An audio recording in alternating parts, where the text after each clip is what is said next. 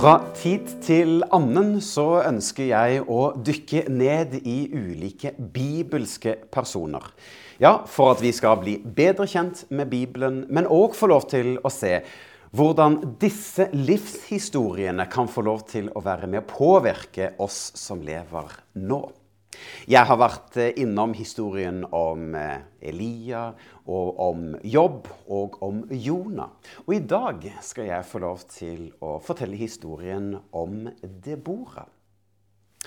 Vi skal til eh, dommertiden.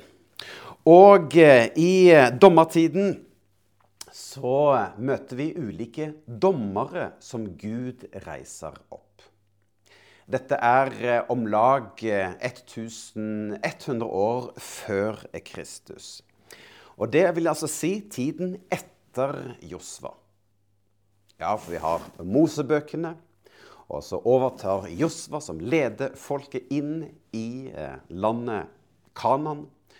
Og etter hvert så dør da Josva som en gammel mann og etter her kommer altså dommertiden. Et tidsrom på 400 år som varer fram til at Saul blir den første kongen i landet Israel.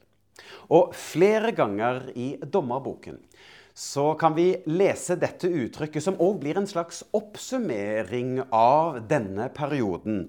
Hver mann gjorde det som var rett i hans egne øyne. Den politiske situasjonen i dommertiden var preget av mangel på sterkt lederskap og stadig angrep fra fienden. Det var eh, filistere, amoritter, midjanitter, amalkitter. Og i dette så reiser da Gud opp ulike ledere, dommere, som Gud kunne bruke til å være der for folket. Og vi kan lese om 13 ulike dommere i denne fire, fire århundresperioden, som Otniel, om Ehud, Gideon, Samson, men òg da Debora. Debora. Historien den starter med at det hadde vært 20 år etter at forrige dommer døde. Og folket, ja, de gjorde det som var rett i sine egne øyne, og da syndet mot Gud. Og da var det kong Jabin i Hasor som herjet med israelsfolket. Og Jabins øverste kommanderende hadde hele 900 jernvogner. Og så sier òg Bibelen i Dommernes bok i kapittel 4 at etter 20 år med voldsom undertrykkelse ropte Israels folk igjen til Herren i sin nød. Og Gud svarer med å reise opp Debora. Og vi leser. Debora var en profetinne og dommer i Israel på den tiden. Hun var Lapidots kone. Hun pleide å sitte under et palmetre mellom Rama og Betel i Efraimfjellene. Dit pleide Israels folk å komme for å få hennes vurdering i diverse saker, for hun kunne felle en god dom. Navnet Debora det betyr bie, og hun delte rikelig av sin kunnskap med de som trengte råd, og de som trengte en dom i kompliserte og vanskelige saker. I tillegg så hadde hun lederegenskaper som gjorde at hun ledet krig mot fienden. Deborah var faktisk den første kvinnelige militære leder som vi leser om i Bibelen. Og hun var òg den første høyesterettsdommer. Deborah hun eh, sender da bud til Barak, som er leder for eh, det militære, og sier til ham Herren, Israels Gud, har befalt deg. Gå av sted og marsjer mot Taborfjellet. Ta med deg 10 000 menn fra Naftalis og Sebulons stammer. Sisera, øverstkommanderende for Jabins hær, vil komme mot dere med vognene og den store hæren sin. Dere vil møtes ved elven Kishon, og jeg, sier Gud, skal la dere vinne over ham og hans hær. Barak ber altså Debora om å bli med ham. Hvis ikke, så vil ikke Barak reise ut i krigen. Og Debora svarer med det samme. Visst skal jeg gå med deg. Du kommer ikke til å få æren av å vinne over Sisera. For at Gud vil at det er en kvinne som skal få denne æren. Og det blir en dramatisk kamp mot denne Cicera, altså kong Jabins eh, øverstkommanderende. Og vi leser. Da sa Debora til Barak. Gjør deg klar til kamp, for dette er dagen da Herren vil la deg vinne over Cicera. Herren vil kjempe for deg. Så dro Barak og hans 10 000 menn ned fra Taborfjellet. Og Herren gjorde slik at Cesera og herren hans med alle vognene ble forvirret. De ble slått ned med sverd rett foran øynene på Barak. Men Cesera hoppet ned fra vognen sin og flyktet av sted til fots. Men eh, Barak han forfulgte vognene og hæren som eh, hadde lagt på flukt. Han fulgte etter dem helt til Haroshet Hagojim. Der ble hele Ceseras hær drept. Cesera selv hadde flyktet til fots. Han kom til Jaels telt, som var kinitten Hebres kone. Det var et fredelig forhold mellom Jabin, altså kong i eh, Hauson, og familien til Heber. Jael gikk ut for å møte Cicera, og hun sa til ham, Kom inn, min herre, og kom inn til meg. Frykt ikke. Da han hadde kommet inn i teltet, så dekket hun ham til med et teppe og Sisera han spør om eh, vann, men eh, Jael lager varm melk. Og Sisera eh, han sovner inne i dette tempelet. Og her så utspiller det seg en grotesk hendelse som jeg ikke har lyst til å dele på skjermen her. Og er du nysgjerrig og interessert hvordan Cicera ble drept og av en kvinne i dette teltet, så kan du altså gå og lese om dette i Dommernes bok kapittel 4. Og så kan vi lese i kapittel 5 om denne lovsangen som eh, Debora eh, synger. Og eh, Debora var altså en dommer i dette landet i da 40 år. Jeg har lyst til å løfte fram tre ting som jeg ble opptatt av når jeg gikk inn i denne teksten. For det første Gud reiste opp en kvinnelig leder, en profetinne og en dommer.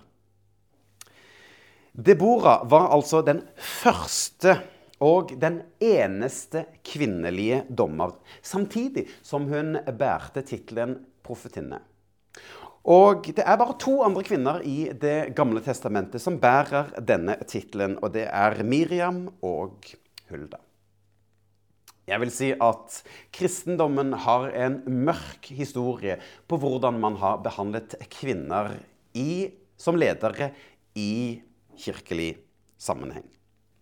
For i Bibelen så møter vi flere betydningsfulle kvinner som Gud reiser opp til tjeneste. Ja, vi vet at Paulus hadde et strengt syn på hvordan kvinner skulle være i menigheten. Men vi leser òg om at Gud reiser opp kvinner til tjeneste i sin tid. Debora er et eksempel på det. Andre eksempler er Ester, denne dronningen som hindret at jødene ble utslettet i Persia. Eller Ruth, denne lojale kvinnen som valgte å gi avkall på sitt eget for å følge sin svigermor Naomi. Andre sterke kvinner er Hanna, Abigail, enken i Sarepta, Namans tjenerinne, Hulda og Rahab. Vi kjenner jo òg hvordan Jesus møter og løfter opp kvinner rundt seg. Ja, kvinnen ved brønnen, eller Geirus datter, Maria Magdalena. Kvinnen som ble grepet i ekteskapsbrudd, eller kvinnen som hadde disse store smertene. Martha, Maria. Men vi leser òg om andre kvinner i Bibelen, som Tabita, Føbe, Lydia, Priscilla, Louise og Eunike vi trenger både menn og kvinner inn i Guds rike. Og menn og kvinner har på sett og vis ulike egenskaper og talenter. For kvinner har styrker som vi ofte menn ikke er så gode på, og motsatt. I ledelsesteori så bruker man faktisk begrepene feminine lederegenskaper og maskuline lederegenskaper. Og da er det ikke slik at det er bare kvinner som har feminine lederegenskaper, ei heller at det er bare menn som har maskuline lederegenskaper. Men kvinner er ofte sterkere generelt sett på kvalitet istedenfor å vinne. Samarbeid istedenfor å konkurrere. Gruppe istedenfor hierarki. Og dette trenger vi inn i Guds rike.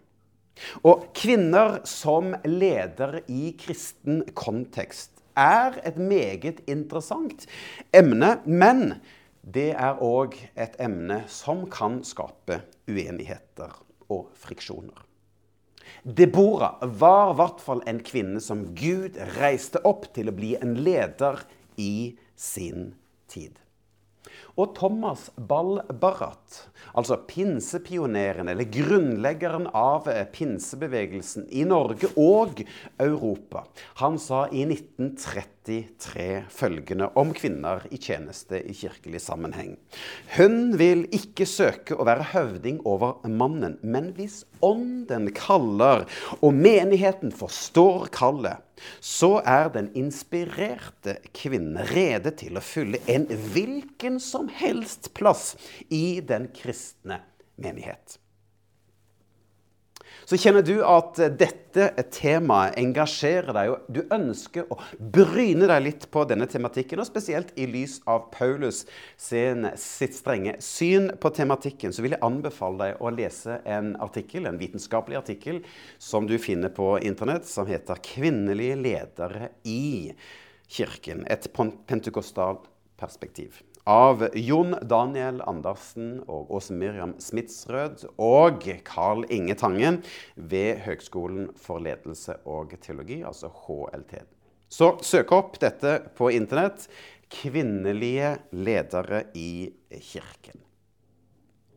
Jeg går videre i min preken. For vi leser om Barak, denne øverste kommanderende lederen. Og hans suksess den hviler jo nettopp på Deboras ledelse. Det var et gjensidig avhengighetsforhold mellom disse to for å lykkes i kampen mot fienden. Og selv om det kun er Barak som blir nevnt i Hebreabrevet kapittel 11, dette trosheltekapitlet, så hadde altså Debora en nøkkelrolle i kampen. Og dette er da mitt andre punkt. Sammen utfyller vi hverandre. Ja, for det er fryktelig lett å tenke at bare jeg får det slik jeg vil ha det, så blir det bra. Eller at dette er den eneste riktige måten vi kan gjøre det på. Ja, men da kan man potensielt tråkke ikke feil. For jeg tror at sammen så utfyller vi hverandre. For du ser noe som jeg ikke ser, og jeg ser noe du ikke ser. Og du har egenskaper som du er god på, og jeg har mine styrker og mine egenskaper. Og det er ikke for uten grunn at Bibelen bruker nettopp dette bildet på kropp med ulike kroppsdeler for å arbeide sammen eller å jobbe sammen i kirke. Vi er ulike kroppsdeler, men med en samme hensikt. Og som kristne så burde vi være mer opptatt av å være var for andres styrker, og ikke se det som en trussel. For ingen av oss ser det hele og det fulle bildet. Og det er derfor vi trenger hverandre. For du trenger andre i ditt liv for å bli en bedre utgave av deg selv. Ja, vi kan være hverandres diamantslipere, som er med og pusser på hverandre, slik at diamanten får lov til å skinne og bli enda mer verdifull. I et ekteskap eller i et kollegium eller i en gruppe som man er i, så skal man lete etter muligheter for å arbeide sammen, finne hverandres styrker og heie på hverandres ulike egenskaper, men òg ha en ydmyk holdning om at sammen så utfyller vi hverandre. Mitt tredje punkt som jeg har lyst til å løfte fram, er rop til Gud og be ham om hjelp. For dommertiden var jo kjent for at hver og en gjorde det som var rett i hans egne øyne. Og det gikk ikke særlig bra. Og en slik selvsentrert verden ser vi òg i dag. At man lett tenker at det som er rett for meg, ja, men det er rett for meg. Og det kan bli en forskrudd tankegang, mener jeg. For jeg mener at vi må være mennesker som er full av respekt, toleranse og overbærenhet med hverandre.